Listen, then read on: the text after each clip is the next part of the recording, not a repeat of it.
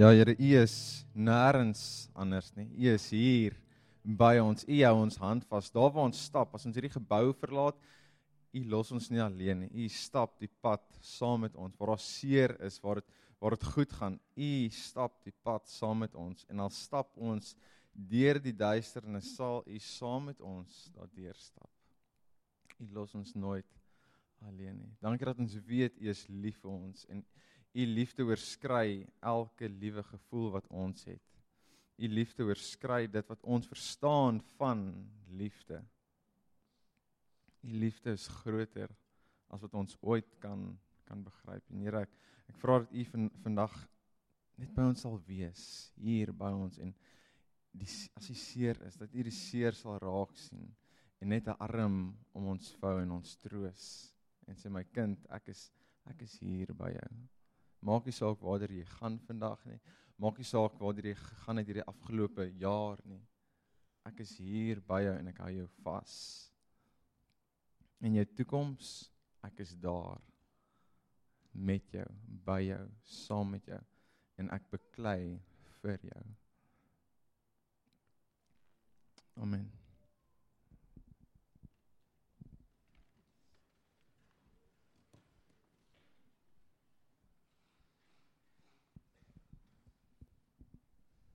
Gaan dit? Goed, dankie, dankbaar. Dankbaar ten spyte van, né? Ons is dankbaar ten spyte van. Ek vertel nou, ek ons het vir my voel dit altyd Saterdag aande is is ons dogtertjie Aspris en sy sy weier om te slaap. Sy sukkel so tydjie en dit is elke uur of 2 ure en my vrou het hierdie wonderlike gawe om jy kan 'n bom lang, langs sal dit bars en sy gaan nie wakker word nie. En ek aan die ander kant as jy sleutels langs my gooi, ek skrik wakker, ek's wakker en so so elke 2 ure op 'n Saterdag nag word mens wakker van 'n 3 maande oue kleintjie. Ehm um, maar is lekker. Ehm um, dis is regtig is lekker. Ek jok nie as ek van hier voor staan nie. Maar party partykeer dan voel mens net ag oh, man, dis dan wag jy so tydjie en jy hoop, jy hoop jou vrou word wakker. En sy sy word nie wakker nie en dan staan jy op kwaad en vies vir die wêreld. En dan druk jy net daai dammie in die kind se mond en bly nou stil. Sst. En dan gaan ons aan. OK, ek is nie ver oggend hier om te gesels nie, maar ek is dankbaar ten spyte van min slaap. Dit is my dankbaar. Romeine 8 vers 28. Ons kan nou van een saak seker wees. God gebruik elke ding wat in ons lewens gebeur om sy doel te bereik. Vir ons wat vir God liefhet, werk alles tot ons beswil uit. Nou hier is 'n dis 'n lekker vers om te lees. Dis 'n dis 'n mooi vers om te lees, jy weet. As jy hierdie vers lees, dan moet jy die oggend wakker word en die voeltjies moet buite sing. Chip chip chip chip. En en dan moet sagte musiek in die agtergrond speel en en jy en jy omsirkel dan hierdie gedeelte wat sê jy weet alles gaan tot ons bes wil werk. En en die vers het net so uit so happy feel to it, né? Dit alles gaan tot jou bes wil uitwerk. Maak nie saak hoe omstandighede nou lyk nie alles gaan tot jou bes wil uitwerk. Nou so maand terug het ons ons holiday klub gehad en op die tweede dag, dit fantasties, ons is moeg uitgeput van die kinders. Tweede dag kom kom ek by die huis na 'n lang dag saam met die kinders. My vrou en skoonma en almal is uit vir die dag. So ek kom by die huis, ek kan bietjie asemhaal. My koffie maak, van jy die van julle wat kinders het weet, jy kan nie sommer net huis toe gaan en asemhaal nie. Jy moet nou aandag gee of jy moet bietjie jou vrou aflos met die kind. So ek kom by die huis en ek ek sit die ketel aan en soos wat ek die ketel aansit, lei my telefoon en en dis daai oproep wat niemand wil hê nie. Antwoord, my vrou hysteries aan die ander kant, my man, ons is okay. Ehm um, ons was in 'n karongeluk gewees. Ehm um, ek raak sommer emosioneel weer. Ek is nie veronderstel om nou emosioneel te raak nie, maar Sy sê ons was in 'n karongeluk gewees, almal is okay. Maar jy moet asseblief net vir Amelia kom haal. Almal is oukei. Okay. En ek klim in my kar. Ek ek ek is nie emosioneel nie, ek is half nam. Ek ry en ek kom by die toneel aan en ek besef toe wat gebeur het. Ek ek kyk na die ongeluk. Ek sien ek en my vrou was van agter af gestamp en onder 'n trok in. Maar almal is oukei. Okay. Niemand het 'n skraapie aan en niemand almal is fyn. En op pad sien toe dink ek by myself, "Jeg, Here, ek is ek is woedend. Ehm um, ek is hartseer, maar ek is woedend, ek is kwaad." En ek ek is kwaad omdat die ou wat in haar vasgestamp het was onder invloed gewees. So dis hoekom ek, ek ek is kwaad. En ek op pad sien toe ek praat met die Here en ek sê, "Weet, dankie dat almal oukei okay is." En en is asof die Here dit in my gees drop. Jy weet, just let go. En ek en ek sit met hierdie ding. Hoekom? Hoekom, Here? Jy's jy's in 'n huis gebore en dit voel of daar niemand lief is vir jou nie. Dit voel of jy heeltemal 'n outsider is, asof jy nie daar hoort nie. Jy weet jou ma en pa beklei die hele tyd en dit voel asof jy die oorsaak is van hulle bekleierery. Dit voel asof hulle nie vir jou lief is nie. Jy weet jou omstandighede is van die aard dat daar nie geld is vir enigiets nie, maar daar's altyd geld vir alkohol. En jy bid nou al vir 5 jaar en en jy vra vir die Here asseblief tree in, help. En niks gebeur nie. Dit raak net erger en erger en erger. En En die vraag kom by op, Here, hoekom? Hoekom verander my omstandighede nie? Hoekom bly ek vas hier waar ek is? Ek kan nie weghardloop nie van dis waar ek is, dis waar U my geplaas het. Hoekom lyk my omstandighede dan so? En ons kyk na ons land en ons regering en die grap wat die wat die parlement is en ons dink by onsself, Here, hoekom? Hoekom lyk dit so? Hoekom hoekom voel ons heeltyd so asof niks in ons lewe uitwerk nie? En, en ons lees hierdie gedeelte wat sê alles wat gebeur in ons lewe gebeur om sy doel te bereik. En ons sit met die vraag: Here, hoekom? Wanneer gaan ek sien dat hierdie ding in my lewe enigsins positief is? Dat dit enigsins u wil in my lewe gaan bereik? En ons vra hierdie vraag hoekom want jy weet dalk gaan dit as ons die antwoord kry hoekom dit gebeur het dalk gaan dit van ons seer wegvat. Dalk gaan dit die situasie beter maak. Dalk as jy 'n antwoord kry en jy weet hoekom dit gebeur het, sal jy nie weer daai doen sodat dit weer gebeur nie want dis hoe God werk. Hy hy laat seker goed met jou gebeur omdat jy so gereageer het. Dis nie wie God is nie. Of ons vra dit Here, hoekom gebeur dit met my? Hoekom gebeur dit met ons? Want ons voel ons is beter as die ou langs aan ons. Here, hoekom het dit nie met hulle gebeur nie? Jy weet, ek lees my Bybel, ek gaan kerk toe, ek ek stap 'n pad met U. Ek is goed vir my naaste en en dit gebeur nog steeds met my. Hoekom gebeur dit met my? Dit is veronderstel om met hulle te gebeur. Hulle wat nooit kerk toe kom nie, hulle wat nooit hulle wat naaste is, hulle wat net geld najag. Dit is veronderstel om met hulle te gebeur. Hoekom gebeur dit met my?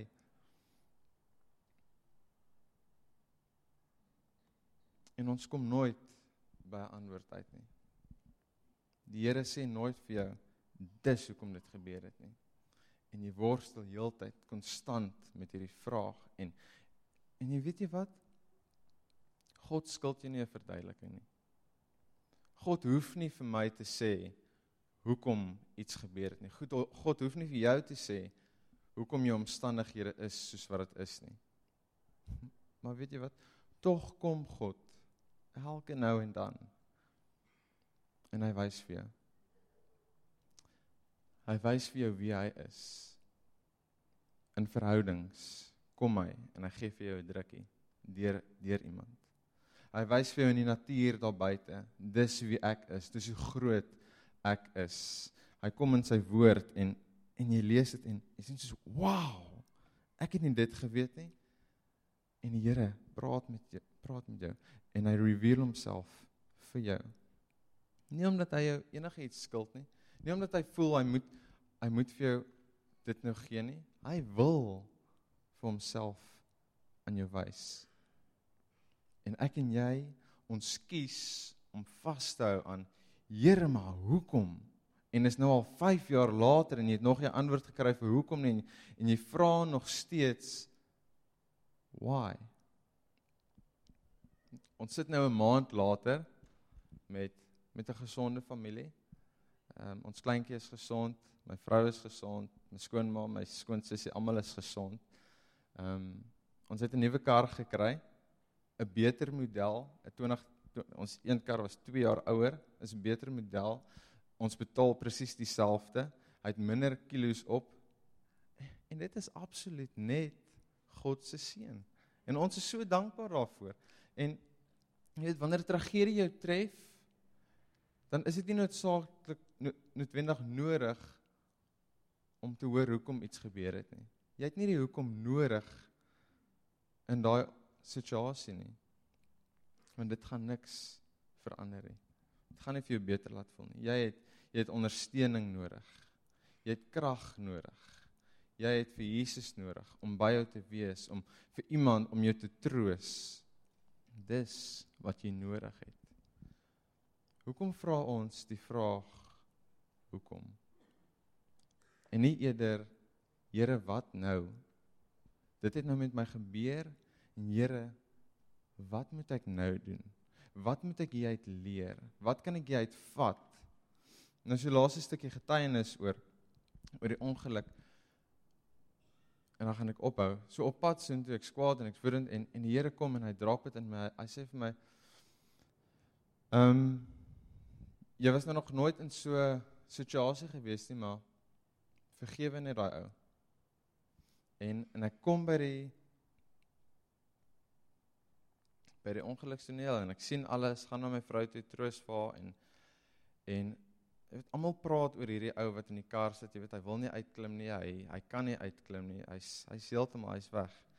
En maar niemand maak keer niks nie. En ek ek stap na hom toe in die ek weet eers wat mens mag doen by ongelukstoneel nie. Ek stap, ek klim in sy bakkie en ek gaan sit langs hom en ek natuurlik eers verduidelik ek vir mooi wat hy gedoen het, wat hy veroorsaak het nou hierso wie hy almal in gevaar gestel het en ek sit langs in hom en ek vat sy hand ek, ek druk sy hand na my toe en ek sê vir hom ek is Matthys en kry sy naam. En ek sê vir hom as jy hierso wegstap moenie wegstap met skuldgevoel nie. Jy weet ten spyte van wat gebeur het want dis dis wie God is ten spyte van wat jy nou gedoen het jy is vergewe. Jy's vrygespreek. Ek en my familie gaan niks teen jou hou nie. Jy's vry. Please go. En en of hy enigsins iets gehoor het of iets weggevat het van van dit af ek weet dit nie. Maar dis wat ek voel God vir my gesê het wat ek moet doen in daai omstandighede. Ek ek kon nie heeltyd vir die Here gevra het hoekom nie. Ek moes vir die Here gevra het wat nou. En as dit is wat moes gebeur het as gevolg van daai kar ongeluk dan het dit gebeur. En ek is dankbaar vir vir daai hele ding Nou hoekom? Wat nou, Here? Ek ek dink aan iemand soos daar's is 'n prentjie van van Nicholas Vujicic. Is is 'n so so weird naam, Vujicic. Hy's 'n hy's 'n Australianer en die van julle wat nie weet nie, hy is sonder arms en bene gebore en en die snaakse, wel nie snaaks nie, die hartseer ding is nie die dokters of sy ouers was voorberei gewees vir dit nie. Hulle kon nie op die enigste scans gesien het wat wat besig was om te gebeur nie en hy's gebore sonder arms en bene. En en weet vir 'n groot deel van sy lewe het hy gestruggle met hierdie vraag: Here, soos wat is die doel van dit? Hoekom sit ek sonder arms en bene en hy was kwaad geweest en hy was vies geweest tot op 'n dag het hy besluit om om sy omstandighede te aanvaar en vir die Here te sê Here wat nou ek gaan nou hierdie omstandighede aanvaar en ek gaan vir u vra Here wat kan ek doen om u wil in my lewe te bereik. En en hy's besig om sy lewe voluit te leef. Hierdie ou is 'n inspirasie vir miljoene mense. Hy hy skryf boeke. Hy hy's 'n musikant, 'n akteur. Hy hy hou van visvang van ehm um, hy gaan surf baie keer sonder arms en bene. En en al wat hy gedoen het is hy het vir die Here gevra, Here, wys my wat nou? Jy weet, hoe kan ek ironies u hande en u voete wees vir 'n wêreld waar daar nood is? Hoe kan u sigbaar raak deur my lewe? And I say, if God can use a man without arms and legs to be his hands and feet, then he will certainly use any willing heart. En sy sy frase waarmee hy gaan is, if just one more person finds eternal life in Jesus Christ, it is all worth it. Nou jou situasie is nie dieselfde as syne nie. Jou situasie is heeltemal anders en en jy moet ook nie jouself vergelyk met hom nie. Jy moet nie jouself vergelyk eers met die persoon langs aan jou nie, want elkeen se situasie is is uniek. Maar laat hy vir jou inspirasie wees. Gaan dink bietjie, waar kan jy daai vraag van jy sit? Hoekom, Here? Hoe kan jy dit verander na wat nou? Hoe kan jou situasie God se doel bereik? Ek lees in Romeine 8 vers 35 staan nie wat kan ons nou nog skei van Christus se liefde? Swaar kry, probleme, vervolging, hongerpyne, 'n tekort aan klere, gevare of dalk geweld. Nie een van hierdie dinge nie. Nie eens die grootste probleme waarvan daar in die Bybel gepraat word kan ons ooit van Christus skei nie. Daar staan juis in een van die psalms: Here, ter wille van U word ons heeltyd doodgemaak. Ons is soos 'n klomp slagskape wat reg staan om geslag te word. Al gebeur hierdie verskriklike dinge met ons, is ons nogtans oorwinnaars. Ons deel in Christus se reuse oorwinning omdat hy ons baie liefhet. Daarom is ek heeltemal seker dat niks wat met ons gebeur ons ooit van God se liefde kan skei nie. Nie eens die dood of enige iets in hierdie lewe nie. Jy sit vanoggend hier op die rand van van egskeiding. Jy sit hier en en jy weet nie hoe jy gaan werk kry nie. Jy sit hier, jy's jy's 'n weduwee, jy het jou man of jou jou, jou vrou verloor eers langs langs die pad en en al wat jy vir God heeltyd vra is Here, hoekom? Hoekom verander my omstandighede nie? Hoekom verander hierdie situasie nie? Hoekom verbeter hierdie verhouding nie waarin ek is nie? Gaan lees, gaan lees bietjie Piet se maandbrief van van hierdie maand. En hy gesel, hy skryf oor die dood wat dood is. Nou al hierdie verskriklike dinge gebeur met ons. Jy weet dit lyk nie of jou situasie of jou omstandighede enigsins gaan verbeter nie, maar maar Paulus sê vir ons Christus het reeds die dood oorwin en ons wat vir Jesus volg, is in Christus. Wat beteken ons het saam met Jesus die dood oorwin. Dis hoef ons nie bang te wees vir die dood nie. Dis kan ons lewe hierdan face sonder vrees. Paulus sê vir ons, lewe gaan nie maklik wees nie. Niemand het ooit gesê lewe gaan maklik wees nie. Nêrens in die Bybel sê as jy vir Jesus begin volg, gaan jou lewe verander en dit gaan maklik wees nie. Inteendeel, dit gaan moeiliker raak. Dit gaan taaf raak. Maar weet jy wat? Jy is in Jesus. En jy het reeds die dood oorwin omdat hy reeds die dood oorwin het. Al gaan jy deur 'n onbeskryflike moeilike tyd al vir die afgelope 30 jaar en niks verander nie.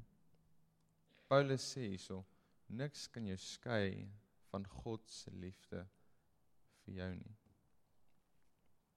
As gevolg van hom kan jy aanhou. As gevolg van hom is daar hoop. As gevolg van Christus is daar lewe vir jou situasie. Dit voel dood. Dalk moet dit dood wees. Dalk moet dit heeltemal dood wees sodat daar lewe kan wees. Vir die afgelope paar maande vra jy vir die Here, hoekom? Hoekom ek? Hoekom verander niks nie? Hoekom lyk dit so? Hoekom moet dit met my gebeur wat nog gaan gebeur? Kyk bietjie vandag na jou situasie. Jy weet waarmee jy sukkel, ek weet waarmee ek sukkel. Kyk na jou situasie en en vat jou hoekom en vra vir die Here, Here, wat nou? Daar's iets wat nie lekker was nie wat gebeur het in jou lewe. Vra vir die Here, wat nou? Wat wil U hê moet ek doen? Net hierdie ding het met my gebeur. Maar Here wys vir my, hoe kan hierdie ding U wil bereik? Want ek gaan teruggaan na die eerste vers toe.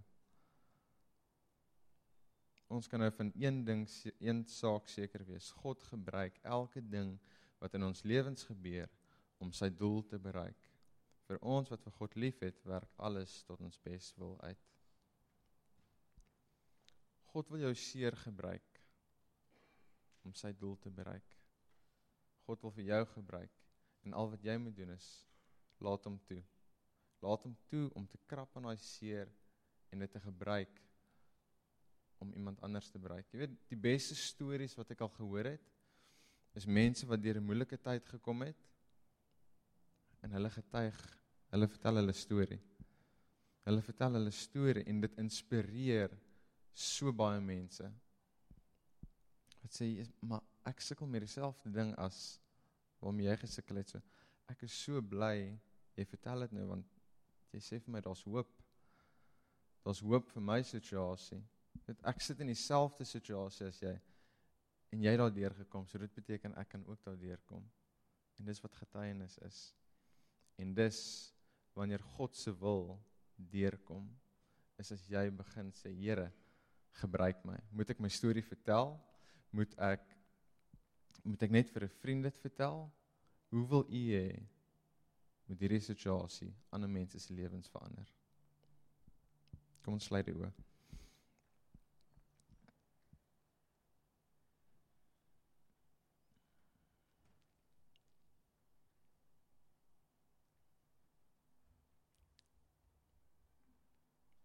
Here, ek weet u gee nie om as ons vra hoekom nie.